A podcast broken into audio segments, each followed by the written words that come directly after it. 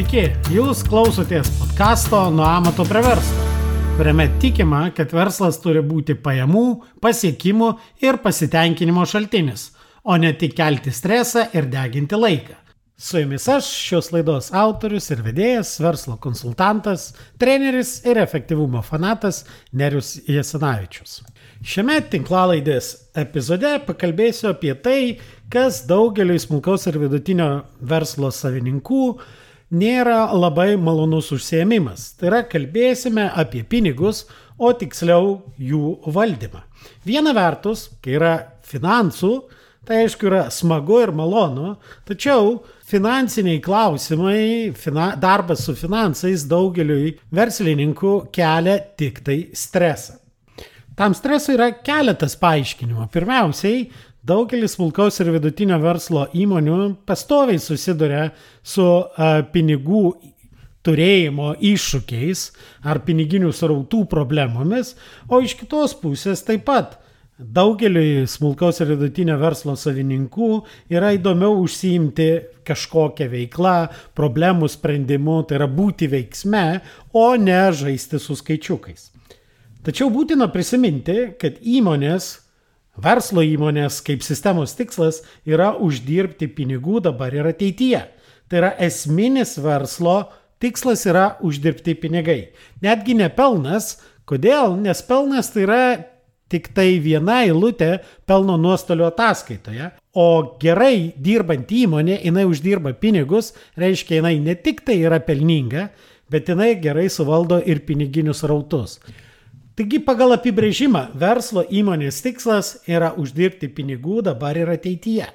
Jeigu įmonės savininkas sako, kad jam pinigai yra nesvarbus, kad tai nėra jo įmonės tikslas, tai tokios organizacijos mes negalime vadinti verslu. Taip, tai gali būti nepelno siekianti organizacija, tai gali būti nevyriausybinė organizacija, labdaringa organizacija ir panašiai, bet tai nėra verslo organizacija. Tam, kad įmonė uždirbtų pinigų dabar ir ateityje, jinai turi patenkinti būtinas sąlygas. Pamenat, mes kitose laidose kalbėjome apie tai, kad tam, kad įmonė uždirbtų pinigų dabar ir ateityje, jinai turi užtikrinti geras darbo sąlygas darbuotojams, taip pat patenkinti aplinką, tai yra užtikrinti klientų poreikių patenkinimą, tiekėjų poreikių patenkinimą ir visuomenės poreikių patenkinimą. Ir nepamirškime dar vienos svarbios sąlygos, kuri yra labai aktuali smulkiam ir vidutiniam versle, yra tai, kad verslas, uždirbdamas pinigus, nekeltų daug streso ir nereikalautų daug pastangų iš įmonės vadovo ir savininko. Kalbant apie įmonės uždirbtus pinigus, atrodytų viskas labai tiesmukiška ir paprasta. Iš gautų pajamų atimame išlaidas ir turime uždirbtus pinigus, tą likutį. Tačiau smulkiame versle labai dažnai labai sunku atskirti vis dėlto, ar tas uždirbtas pelnas iš tikrųjų yra tiesiogiai pelnas iš įmonės veiklos, ar tai yra verslininko, to amatininko sukurta pridėtinė vertė ir tai yra dalis atlyginimo, kurio jisai nenusijėmė, o paliko įmonėje ir galbūt nusims dėl įvairiausių mokestinių priežasčių kaip pelno dalį. Visgi mokesčių optimizavimas e, nėra šitos tinklalaidės, taip sakant, temų sąraše ir mes apie tai nešnekėsime. Visgi ne absoliutus uždirbtas pelnas, ne absoliuti uždirbtų pinigų suma yra svarbiausias įmonės efektyvumo rodiklis. Juk verslas tai yra investicinis objektas. Todėl svarbiausias verslo efektyvumo rodiklis turėtų būti investuoto į verslą kapitalo graža, taip vadinamas ROI, Return on Investment, arba didesnėse įmonėse dar skaičiuojamas ROE, Return on Equity, tai yra akcininkų nuosavybės graža. Investuoto kapitalo graža paskaičiuojama labai paprastai. Per tam tikrą periodą, dažniausiai per vienus metus, uždirbtas pelnas dalinamas iš į įmonę investuotų pinigų sumos. Tai yra gautas pelnas padalintas iš investicijų. Taip jūs galite pasiskaičiuoti savo įmonės taip vadinamą metinę gražą. Labai įdomu tai, kad daugelis žmonių smulkaus ir vidutinio verslo savininkų neturi įsivertinę, tai yra neturi pasiskaičiavę savo verslo, tai yra savo pinigų investicinės gražos. Jie investavo į savo verslą savo pinigus, juos naudoja, tačiau jie nėra pasiskaičiavę, kiek tie pinigai jiem generuoja gražos. Galbūt paprasčiau investuoti į kokį nors investicinį fondą ar į nekilnojamą turtą ir be jokių stresų turėti lygiai tą patį pinigų kiekį. Todėl vienas iš namų darbų, kurį aš siūlyčiau jums pasidaryti, jeigu dar esate to nepasidarę, jeigu jūs esate verslo savininkas, pasiskaičiuokite savo verslo investuoto kapitalo gražą. Tai yra pasimkite, kiek pernai uždirbote pelno ir padalinkite iš į įmonę įdėtų pinigų sumos. Dažnai manęs klausia, o kokia investuoto kapitalo graža yra gera? 10 procentų, 15, 20 ar dar kažką. Deja, į šitą klausimą nėra vieno teisingo atsakymo. Kuo daugiau, tuo geriau. Toks paprasčiausias atsakymas, bet labai svarbu jums stebėt, ar per periodą, tai yra kiekvienais metais šitas rodiklis gerėja ar neblogėja jūsų įmonės investuoto kapitalo graža. Detaliau pasižiūrėkime investuoto kapitalo gražą įtakojančius elementus. Įmonės pelnas tai yra rezultatas arba skirtumas tarp sukurtos pridėtinės vertės arba taip vadinamo pralaidumo ir veiklos išlaidų. O investicijos tai yra tai, ką mes sudėjome į pačią įmonę. Taigi įmonė kaip sistema generuoja pridėtinę vertę, sukuria pridėtinę vertę, tą pralaidumą, tam, kad jinai galėtų sukurti tą pridėtinę vertę, jinai šiek tiek pinigų sudegina, kartais ne šiek tiek, kartais pakankamai daug. Tie sudeginti pinigai ir vadinami veiklos išlaidomis, o pati ta sistema turi tam tikrą svorį. Tai yra į ją investuoti pinigai. Todėl norėdami pagerinti įmonės investuoto kapitalo gražą, mes visada turime galvoti, kaip sukurti daugiau pridėtinės vertės, tai yra padidinti pralaidumą, tuo pat metu sumažinti veiklos išlaidas ir nedidinti arba net sumažinti investicijas. Aišku, dažniausiai visų trijų dalykų pasiekti vienu metu nepavyksta, dėl to vadovai stengiasi nukreipti dėmesį į vieną ar į kitą sferą.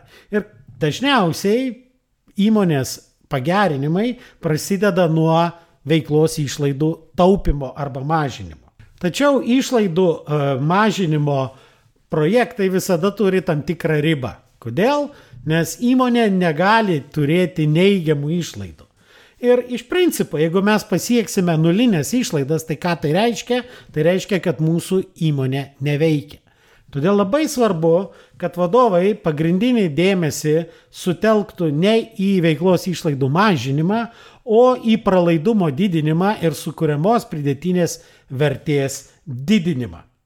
Tai kas yra tas pralaidumas? Pralaidumas tai skirtumas tarp pardavimo kainos ir visiškai kintamų kaštų. Pralaidumas yra svarbiausias rodiklis, nes jisai parodo, kiek pinigų, tai yra pridėtinės vertės, sukūrė įmonė. Iš tos sukurtos pridėtinės vertės yra apmokama veiklos išlaidos, visos veiklos išlaidos, bei finansuojamos investicijos ar finansavimo išlaidos. Nors daugelis įmonių labai aktyviai fokusuojasi į pardavimo arba apyvartos didinimą, tačiau apyvartos didėjimas nebūtinai sąlygoja pralaidumo didėjimą. Panagrinėkime paprastą pavyzdį. Tarkime, jūs prekiaujate kažkokiais žaisliukais, kuriuos iš tiekėjo perkate mokėdami 6 eurus už vieną vienetą. Tuo tarpu klientam parduodate vieną žaisliuką už 10 eurų už vieną vienetą. Tokiu atveju jūsų pralaidumas už kiekvieną žaisliuką yra 4 eurai. 10 eurų pardavimo kaina minus visiškai kintami kaštai 6 eurai, pralaidumas 4 eurai. Ir tarkime, jūs per mėnesį parduodate 100 vienetų tokių žaisliukų, kas sukuria 1000 eurų mėnesinės apyvartos ir 400 eurų pralaidumo. Pasidairė aplinkui, pamatė, kad daugelis panašių prekiautojų, tokių kaip jūs, daro įvairiausias akcijas ir dalina nuolaidas, jūs nusprendžiate duoti savo klientam 10 procentų nuolaidą už tą žaisliuką. Taigi dabar jūsų žaisliuko kaina yra 9 eurai, bet perkate iš tiekėjo už tuos pačius 6 eurus. Taigi jūsų pralaidumas tampa 3 eurai. Klientam jūsų nuolaida patiko ir dabar klientai nuperka 20 procentų daugiau žaisliukų. Taigi jūs parduodat nebe 100 žaisliukų per mėnesį, o 120 žaisliukų per mėnesį. Didelis pasiekimas. Jūsų ne tik taip žaisliukų parduodamų kiekis išaugo, jūsų ir apyvarta išaugo, nes 120 žaisliukų po 9 eurus tai jau yra 1080 eurų per mėnesį. Anksčiau buvo tik 1000 eurų per mėnesį. Taigi atrodytų priimtas sprendimas sumažinti kainą davė gerus rezultatus. Jūs parduodate daugiau, jūs padarote didesnį apyvartą, bet ar tai sukuria didesnę pridėtinę vertę? Ne, nes 120 vienetų žaisliukų po 3 eurus pralaidumo sukuria tik 360 eurų pralaidumo per mėnesį. Tuo tarpu, kai jūs pardavinėjote mažiau žaisliukų, bet turėjote didesnį pralaidumą per žaisliuką, jūsų sukūriama pridėtinė vertė per mėnesį buvo 400 eurų. Todėl labai svarbu nepamiršti, kad įmonės tikslas nėra turėti didelę apyvartą, įmonės tikslas yra uždirbti pinigų. Tai reiškia, mes turime sukurti kuo didesnį pralaidumą. Ir vertindami bet kokias pastangas nukreiptas į apyvartos didinimą, mes turime nepamiršti, kad ne apyvarta svarbiausia, o pralaidumas. Kaip tam senam anegdote, kur du draugai šnekas ir vienas giriasi. Aš sukūriau naują verslą, pardavinėjau eurą už 90 centų. Tai kitas klausė, sako, ir kaip sekasi? Pirmasis atsako, dar pelno neskaičiavau, bet apyvarta nereali. Taip kad labai svarbu pasižiūrėti, ar jūs nepradedat pardavinėti euro už 90 centų. Aptarėme pralaidumą, dabar pakalbėkime apie veiklos išlaidas. Veiklos išlaidos tai yra visi tie pinigai, kuriuos įmonė sudegina savo kasdieniniai veiklai. Kiekvieną mėnesį Nes Lietuvoje įprastas mėnesinis verslo ritmas sudeginamas tam tikras kiekis lėšų veiklos išlaidų. Tai yra nuoma, amortizacija, atlyginimai darbuotojams, įvairios komunalinės išlaidos ir, ir taip toliau, ir taip toliau. Labai svarbu suprasti, kad veiklos išlaidos nesikeičia keičiantis mūsų pardavimų ar gamybos apimtims. Tai yra dalykai, už kuriuos mes mokame kas mėnesį. Net jeigu kurį mėnesį nebus pardavimo, dažniausiai veiklos išlaidos vis tiek yra patiriamos.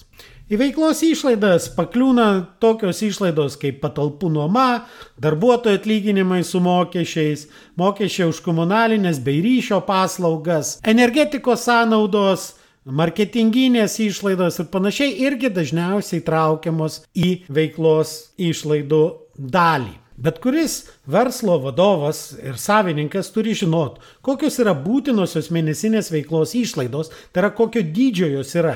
Ir jeigu per mėnesį įmonė neuždirba didesnio nei būtinosios mėnesinės veiklos išlaidos pralaidumo, tuomet tą mėnesį įmonė dirbo nuostolingai. Ar verta pergyventi dėl vieno nuostolingo mėnesio? Aš nežinau, aišku, idealiu atveju įmonė neturėtų turėti nuostolingų mėnesių, tačiau dėl įvairiausių galimų išorinių aplinkybių, sezoniškumo ir panašiai, kai kuriuose versluose gali būti ir nuostolingų mėnesių. Yra labai svarbu reguliariai savaitiniu arba bent jau mėnesiniu ritmu stebėti, ar įmonė uždirba pinigus ir lyginti su numatytu pinigų uždirbimo planu, tai yra su sudarytu biudžetu. Tačiau daugelis smulkaus ir vidutinio verslo savininkų neturi susiformavę tokio įpročio ir pasidarę tokios sistemos, kad jie reguliariai stebėtų įmonės uždirbimo situaciją. Geriausiai yra netgi savaitiniu ritmu šitą stebėti. Apibendrinant šį epizodą prisiminkime, verslo tikslas yra uždirbti pinigų dabar ir ateityje. Verslas yra investicinis objektas, todėl turi generuoti investuoto kapitalo gražą.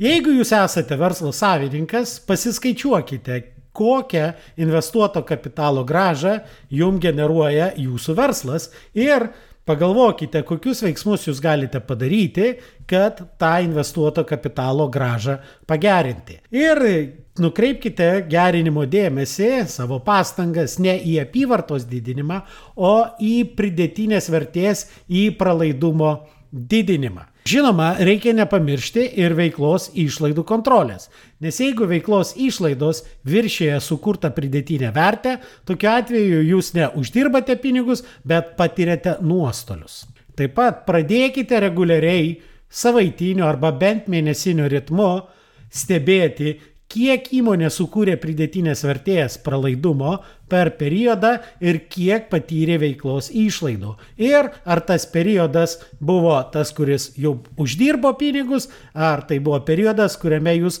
pradirbote pinigus. O gautą rezultatą palyginkite su planu arba taip vadinamu biudžetu. Jeigu jūs neturite susikūrę biudžeto, arba net nežinote, nuo ko pradėti kurti biudžetą smulkiam ir vidutiniam versle, rekomenduoju peržiūrėti nemokamą webinaro įrašą apie tai, kaip vyksta biudžetavimas arba kaip reikia daryti biudžetavimą smulkiam ir vidutiniam versle. Webinaro įrašą galite rasti internete šiuo adresu www.amverklubas.lt amatas verslas amverklubas klubas.lt pakrypęs brūkšnys biudžetas. Taip pat šią nuorodą jūs galite rasti šio epizodo aprašyme. Tai šiandien tiek ir iki kito penktadienio. Dėkoju, kad klausėtės. Ir nepamirškite užsiprenumeruoti šį podcastą, kad visuomet gautumėte informaciją apie naujausias laidas. Taip pat būsiu labai dėkingas, jei įvertinsite šį podcastą palikdami atsiliepimą savo įprastoje podkastų platformoje. O jei pažįstate kažką, kam jūsų nuomonė šis podkastas būtų naudingas, būtinai pasidalinkite. Iki!